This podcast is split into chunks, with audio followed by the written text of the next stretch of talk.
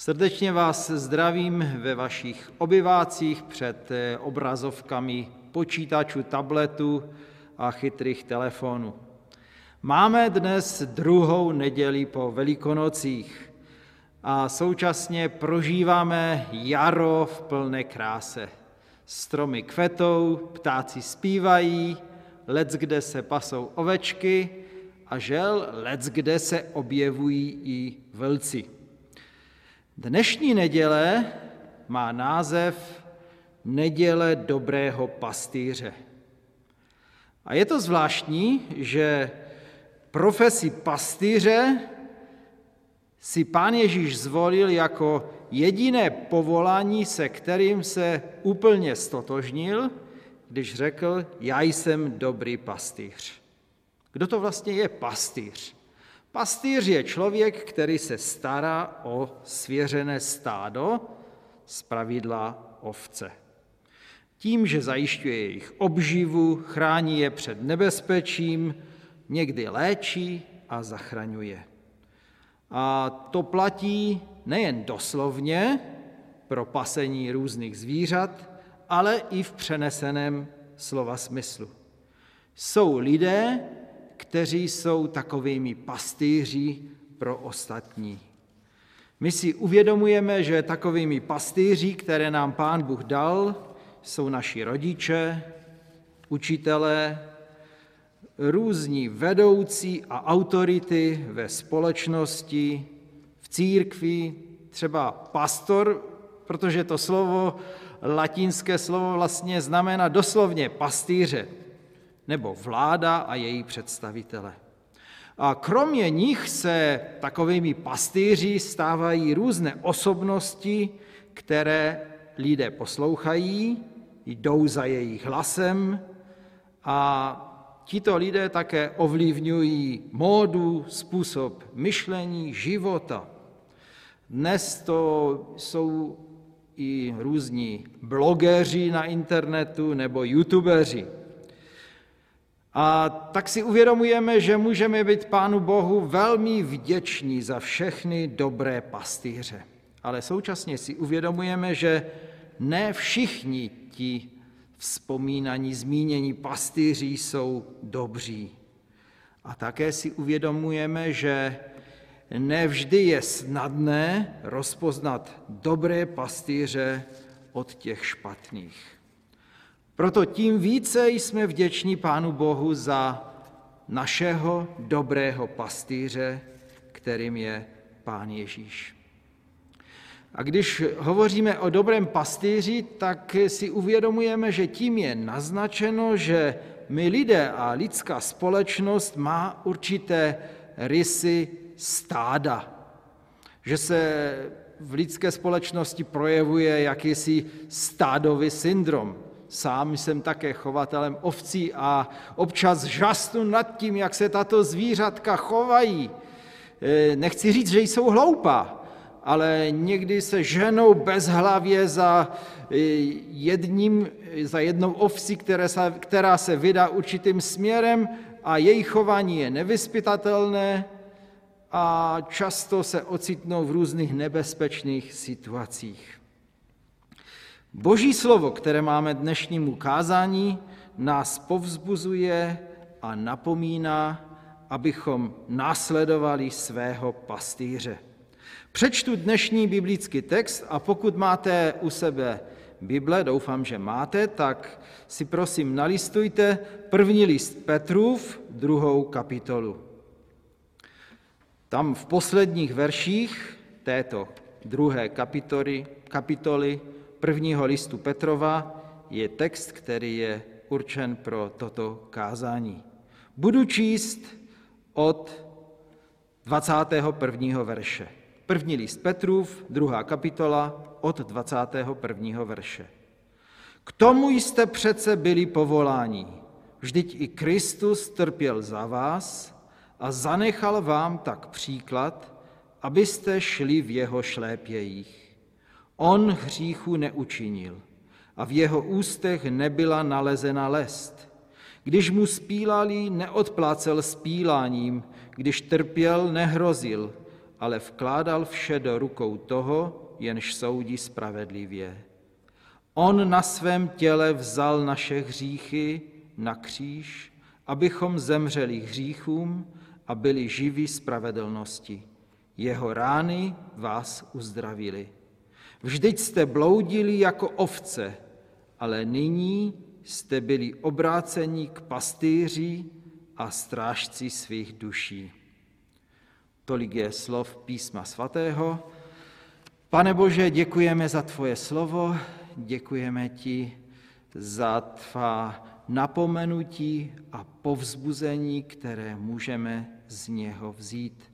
Prosíme tě, aby svým duchem svatým toto slovo obživoval.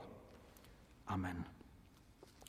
Bratři a sestry, v našem textu slyšíme povzbuzení k následování našeho pastýře, pána Ježíše. Doslovně je zde napsáno v tom 21. verši, že nám pán zanechal příklad, abychom šli v jeho šlépějích. Co to znamená jít v jeho šlépějích? Odpuste mi, že ještě jednou se vrátím k zimě. Když eh, v zimě napadne spousta sněhu, ještě není vyoráno, vyhrnuto, ani nikdo neodházel sníh a my máme jít někam, kde je pokolena sněhu, tak velmi oceníme, když před námi jsou už vyšlápnuté nějaké stopy. Pak si pohodlněji vstupujeme do těch stop, do těch šlépějí a lépe se nám jde. A to je vlastně to následování, abychom šli v jeho šlépějích. Tou cestou, kterou šel pán Ježíš, v těch jeho stopách, které zanechal, abychom i my šli naším životem. E, jistě v našem životě a v naší době je mnoho různých situací, které pán Ježíš nezažil. Samozřejmě pán Ježíš nezažil internet, ani sociální sítě, e, zřejmě ani koronavirus, vždy, ale když čteme pozorně Evangelia, tak můžeme vysledovat a pochopit, jakým způsobem se pán choval v konkrétních situacích a věřím, že i my s pomocí Ducha Svatého v těch našich konkrétních situacích, různých situacích pak můžeme vědět, jak by se na našem místě pán Ježíš zachoval. A to je nesmírně důležité, protože bez následování Krista není křesťanství. Takové náboženství, taková zbožnost, taková víra, kdy člověk nenásleduje Krista, to není křesťanství. To není biblická víra. O takových lidech pak pán Ježíš řekne, nikdy jsem vás neznal. A jistě na to téma následování bylo vysloveno mnoho, mnoho různých kázání a přednášek a byly napsány stovky nebo tisíce knih. Chtěl bych však vzpomenout jenom dvě z nich, dva velké křesťanské myslitele, kteří napsali svá díla na téma následování. Ta první kniha se jmenuje přímo Následování. Napsal ji Dietrich Bonhoeffer, německý pastor, teolog, který působil v meziválečném období. Patřil takzvan, k takzvané vyznavačské církvi a zúčastnil se odboje proti Hitlerovi a za to byl zatčen a nakonec i popraven. Před více než dvěma týdny, 9. dubna, tomu bylo 75 let, kdy na přímý Hitlerův rozkaz byl Dietrich Bonhoeffer popraven v koncentračním táboře ve Flossenburgu. A Dietrich Bonhoeffer ve své knize Následu, Následování zdůrazňuje, že bez takového životního stylu není křesťanství. Náboženství, ve kterém nejde o následování Krista, není křesťanství.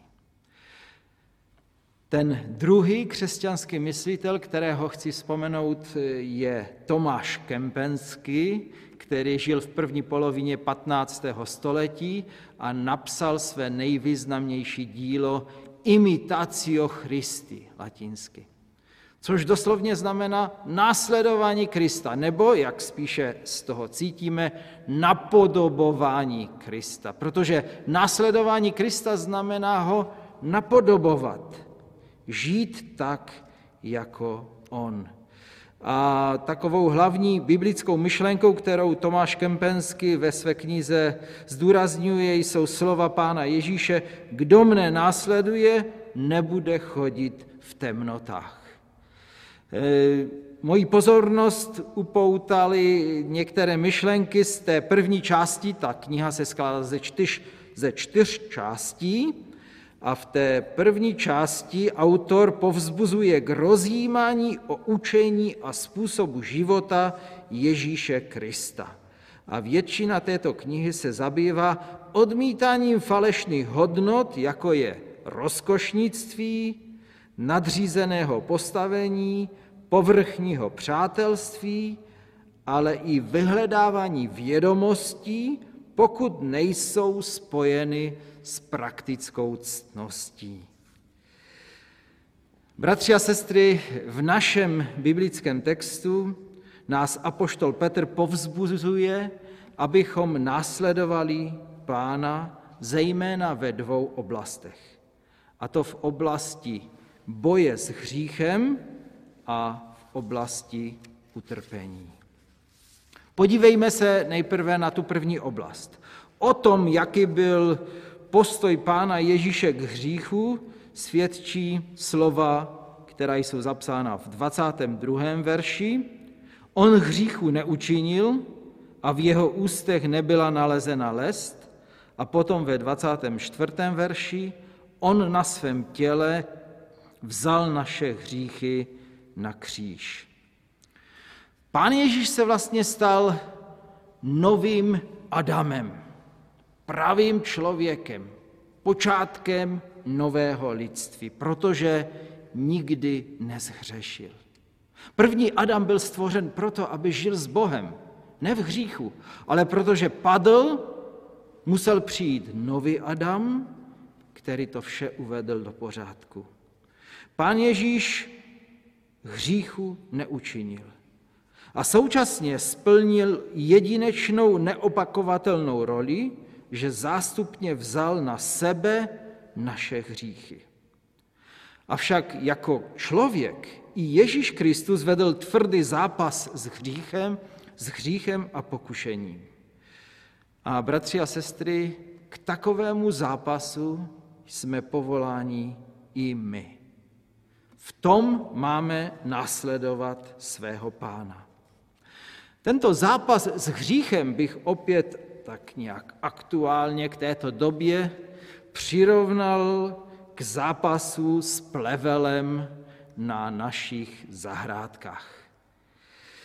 Dobrá rostlina, zelenina nebo cokoliv roste v našich zahrádkách, nikdy nevyroste sama. Aby vyrostla, stojí to mnoho práce a dřiny. Za to plevel, ten roste a bují bez žádné námahy. Moji drazí, přesně tak je tomu i v našem životě. Ctnosti našeho charakteru, dobré vztahy, láska, radost, jednota, tyto krásné věci nevznikají sami od sebe. Za to hádky, závistí, povyšování na druhé, ponižování druhých, to jde samo od sebe. Aby se rozložili vztahy v rodině, ve sboru, mezi kamarády, není třeba příliš velkého úsilí. Někdy to přijde samo a skončí to velmi špatně, protože cesta hříchu je pohodlná, široká, snadná ale zápas s hříchem to je dřina. Na posvěcení našich životů, našich charakterů je třeba vynaložit veškerou snahu. Jak to píše i apoštol Petr v první kapitole svého druhého dopisu. Ale právě takové je následování našeho pastýře. Jak zde čteme v 24. verši, on na svém těle vzal naše hříchy na kříž, abychom zemřeli hříchům a byli živí spravedlnosti. Moji drazí, my máme zemřít hříchům a žít pro spravedlnost. Co to vlastně znamená zemřít hříchům? Uvedu jeden příklad. Evžen byl mladý muž, který rád chodil se svými kamarády do barů a hospod, kde holdoval alkoholu, popíjeli, vedli oplzlé řeči a hráli karty dlouho do noci.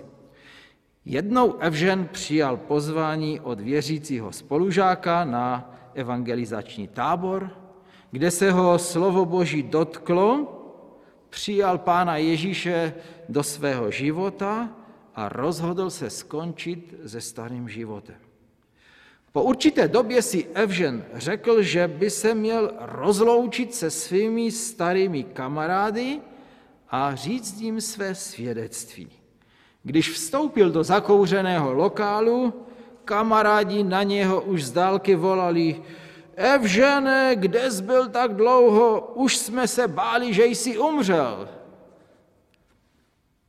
Ano, přátelé, já jsem ten starý Evřen, kterého jste znali, skutečně umřel. Já jsem nový člověk.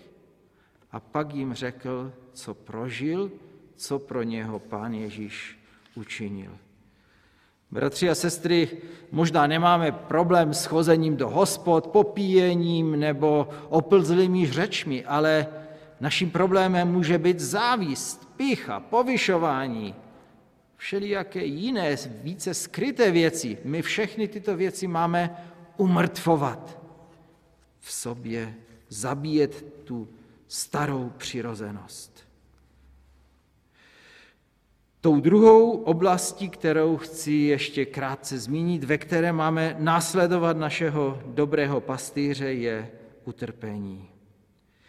Chceme si uvědomit, že apoštol Petr napsal tento list křesťanům v rozptýlení, kteří procházeli mnohým utrpením.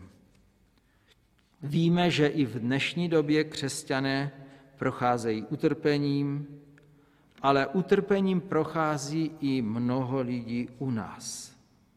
Zvláštním utrpením procházejí v této době lidé v domovech pro seniory.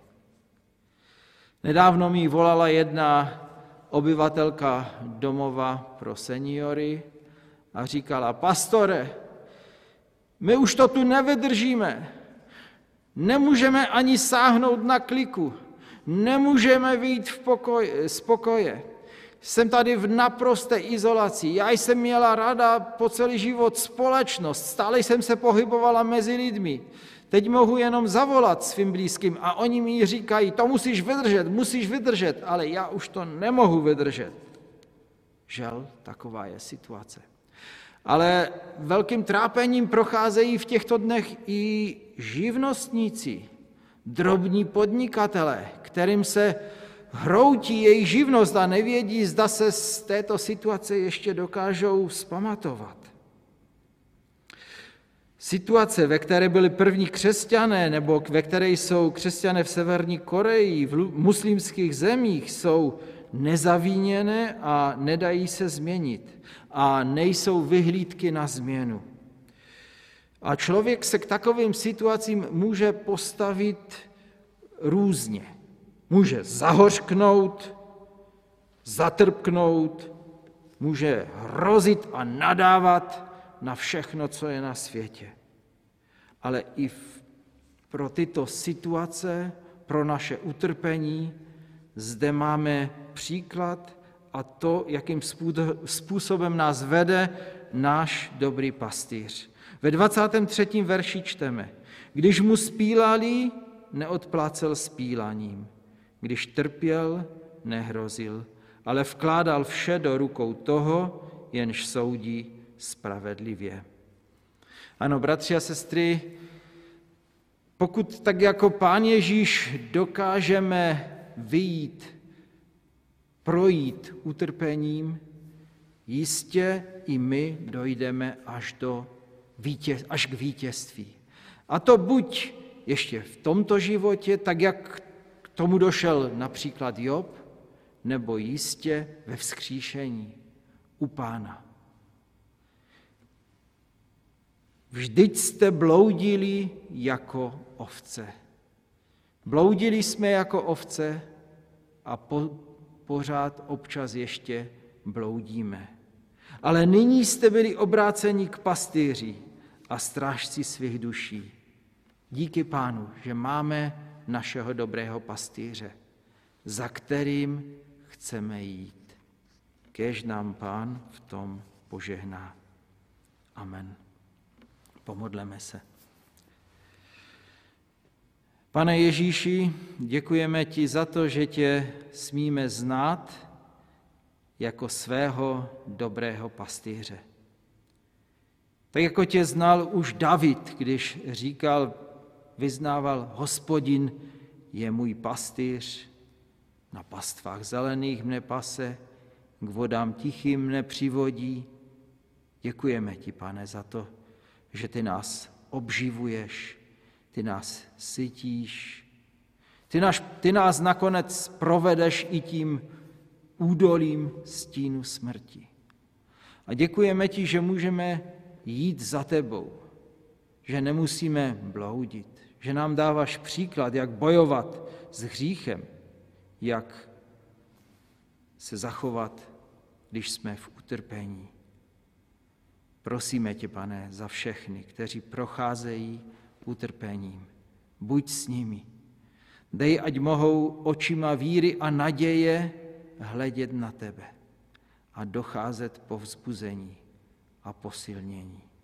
Veď nás, pane, všechny a doveď nás až do svého nebeského ovčince. Amen.